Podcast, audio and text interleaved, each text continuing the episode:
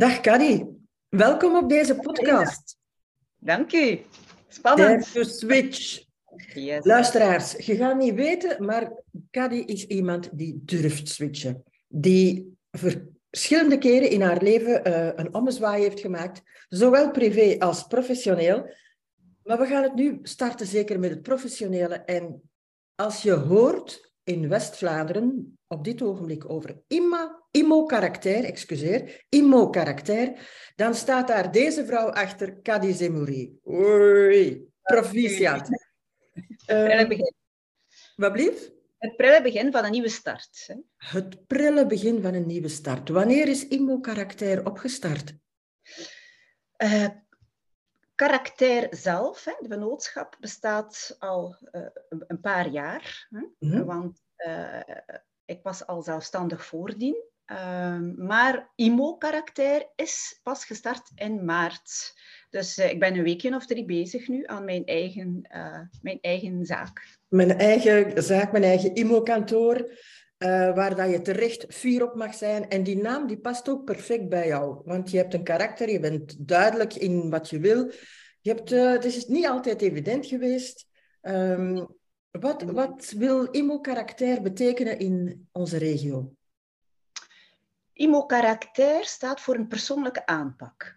Um, ik werk alleen, dus ik ben het eerste contactpersoon hè, met de eigenaar, met de verkoper. Ik, ik regel alles van A tot Z. Uh, ik werk alleen. Hè. Ja. Alleen is een groot woord. Ik heb natuurlijk mensen die mij bijstaan, maar uh, ik behandel het dossier van A tot Z. Dat vind ik, een, dat vind ik heel belangrijk, hè. de persoonlijke aanpak. Um, gedrevenheid, hè. Uh, duidelijke ja. communicatie, transparantie. Um, in West-Vlaanderen, vooral uh, Roeselare en Brugge, maar goed, uh, ik kan overal aan het werken. Je kan overal aan het werken, hè? Nu, je, bent, je bent uh, niet als immo-makelaar begonnen, je bent begonnen ooit als telefoniste in een tapijten-exportzaak. Ja, inderdaad. Ja, dat waren mijn ja. eerste stappen in de businesswereld. Ik heb daar heel veel geleerd trouwens. Ja. ja, dat was jouw eerste functie. En het is toch wel een hele weg, uh, zelfs internationaal, hoe dat je dan nu tot je eigen IMO-kantoor bent gekomen. Je bent al vrij snel naar sales overgestapt, internationaal. Ja, ja als, als uh, enige vrouw, hè, de mannenwereld ah? toch uh, buitenwereld, ja, ja. Dat hebben we dan beide gemeen, als enige vrouw in de mannenwereld. Ja. Goed, wat heeft dat voor jou opgeleverd, zo die internationale sales? Uh, internationale sales, ja, jezelf uh, uw grenzen verleggen. Hè? Uh, want ik was toch een beginneling en ik mocht al naar al die grote bedrijven gaan. Dat was, dat was spannend en geleerd al snel, ja, waar, moet ik, waar moet ik hier schakelen? Mm -hmm. En ik mhm. verleg graag mijn grenzen. Dat was heel leerrijk. Ook wel intensief, hè? want ik was heel veel van huis. Ja. maar ik heb best wel veel geleerd. Ja, als uh, groentje, zeg maar, in de businesswereld. Maar je leert snel, hè, als, als je ervoor open staat en als je nieuwsgierig bent, uiteraard. Ja, want je zegt, hè, ik leer hoe ik moet schakelen en ook ik leg, verleg graag mijn grenzen. Maar misschien ben je toch ook wel uitdagingen tegengekomen daar al. Was je toen al getrouwd? Nee, Nee, ik nee. was toen nog niet getrouwd. Nee, nee. Je was nog niet getrouwd. Hè? En want als ik nu aan jou zou vragen, wat, wat is jouw grootste uitdaging geweest in jouw professionele leven? Is dat dan?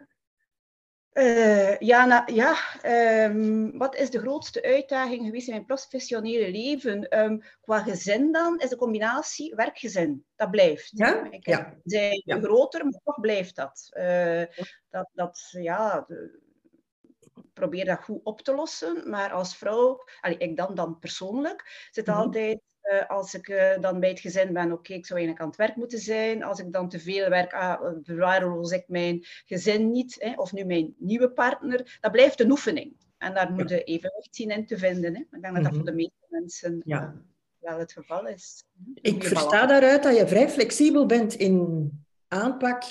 Ja, ja, um, en ik denk op vandaag dat dat heel belangrijk is in deze snel veranderende wereld. Hè? Want IMO tien jaar geleden bij IMO nu, uh, dat is een wereld van verschil. Alles wordt gedigitaliseerd, het is een heel andere manier van werken. Dus je moet bij uh, blijven ja, studeren, uh, bij de pinken blijven. Hè? Ja, Alert blijven, bij de pinken blijven, je aanpassen. Ja. ja. Ehm, in ons voorgesprek heb je mij ook gezegd dat het ook een uitdaging was voor jou om jouw eigen grenzen te stellen. Kan je daar een paar voorbeelden van geven?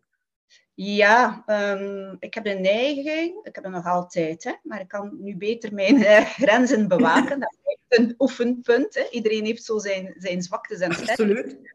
Om uh, altijd maar door te blijven gaan en, en zelfs al zeggen van... Ah, dat zou ik nu liever niet doen, of nu vanavond zou ik liever vrij zijn. Hè. Altijd maar door blijven gaan. Ja. En dan, dan, dan ja, oké. Okay. Uh, eh, op den duur geraakte ook uitgeblust. Hè. Het is, ja? het is goed dat je zeggen, nu stop, uh, dit doe ik, dit doe ik niet. Um, daar krijg je gewoon meer energie van. Um, Zou jij jezelf een werk... Excuseer. Als je zelf je grenzen niet bepaalt, hè, dan doet iemand mm -hmm. anders voor jou. En dat kan zeer onaangenaam zijn. Dat kan zeer onaangenaam zijn. Zou jij jezelf een workaholic noemen? Ik vind van mezelf van niet. Dat zouden misschien moeten aan de mensen rondom mij vragen. Nee, denk ik niet. Ik geniet ook heel graag van het leven ja, geniet ook graag van het lezen. Hè. Dat, uh, dat hoor ik ook, dat zie ik ook in jouw recente post op sociale media. Hè, dat je echt wel uh, geniet van het leven in de situatie waar dat je nu bent. Alhoewel dat jouw levenspad niet altijd zo evident is geweest. Nee, zeker niet. Je bent geboren in Roeselare. Ja, ja, ja. ja.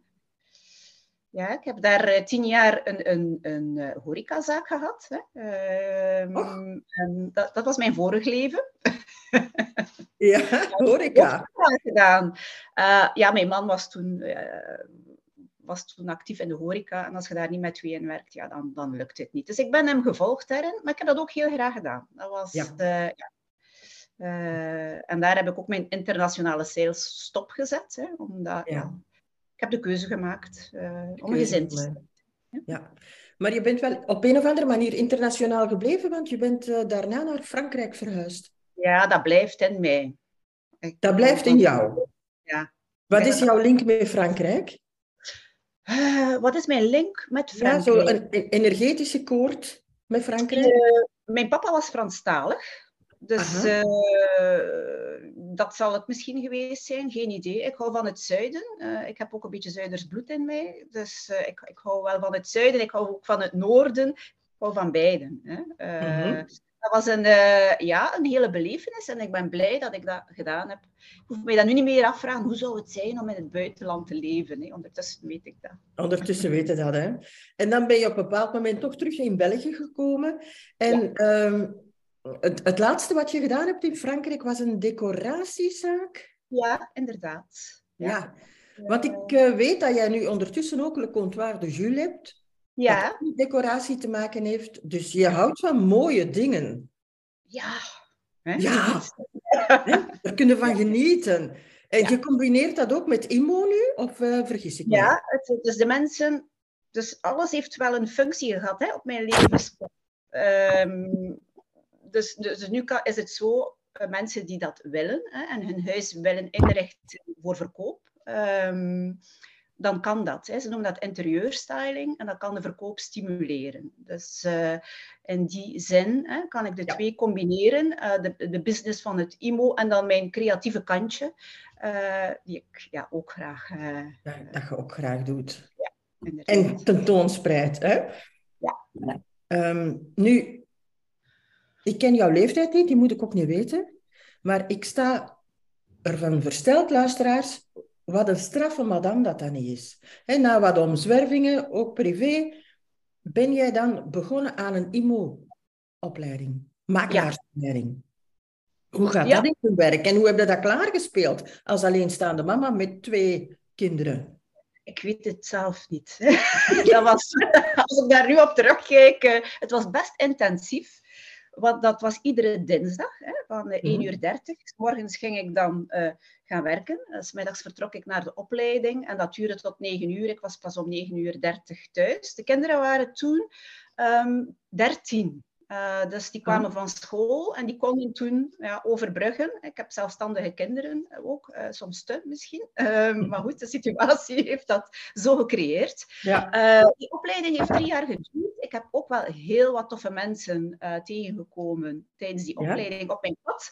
Sommigen mag ik nu vrienden noemen en wij sparren nog heel veel samen. Dus dat is wel leuk. Hè? Ja. Um, daarna drie jaar opleiding die ik succesvol heb afgerond. Uh, dan begon de stage. Ik heb daar een half jaartje over getwijfeld, want daarvoor moest je zelfstandig worden. En ja, als alleenstaande mama met twee kinderen had ik wat schrik. Um, dus je hebt getwijfeld, want je wist, ik moet zelfstandig worden. En ondertussen was jij nog altijd uh, medewerker in een ander IMO-kantoor. Ja, inderdaad. Ja. Um, ga ik dat nu doen? Ga ik dat niet doen? Hè? Want om het nummer te halen, het was nooit de bedoeling om het nummer te halen. Ik deed het uit interesse, maar dan, mm ja, dan zeg je, ja, ik ben wel zo ver, waarom dat nummer niet? Um, maar dan mhm. moest ik zelfstandig worden, nou, ik vond dat moeilijk. En dan alle mogelijke scenario's in mijn hoofd van, ja, ik dacht dat ik het allemaal uitgedokterd had. Hè? En dan begin je zelfstandig en dan breekt uh, corona uit. Uh, oh. Of begin je aan die stage. Maar ook dat um, heb ik overleefd. Er komt altijd een oplossing. Er komt altijd een oplossing. altijd een oplossing. Het belangrijkste is dat je actie onderneemt. Hè. Actie brengt reactie. Uh, als ja. je in je stoel zit en zegt van, oh ja, het is allemaal slecht, ja, dan, dan, dan gaat het niet gaan natuurlijk. Gaat in een negatieve spiraal. Ja, um, en je goed omringen met de juiste mensen. Dat is heel belangrijk. Mm -hmm. Kun je ja. daar iets over zeggen? Je goed omringen met de juiste mensen?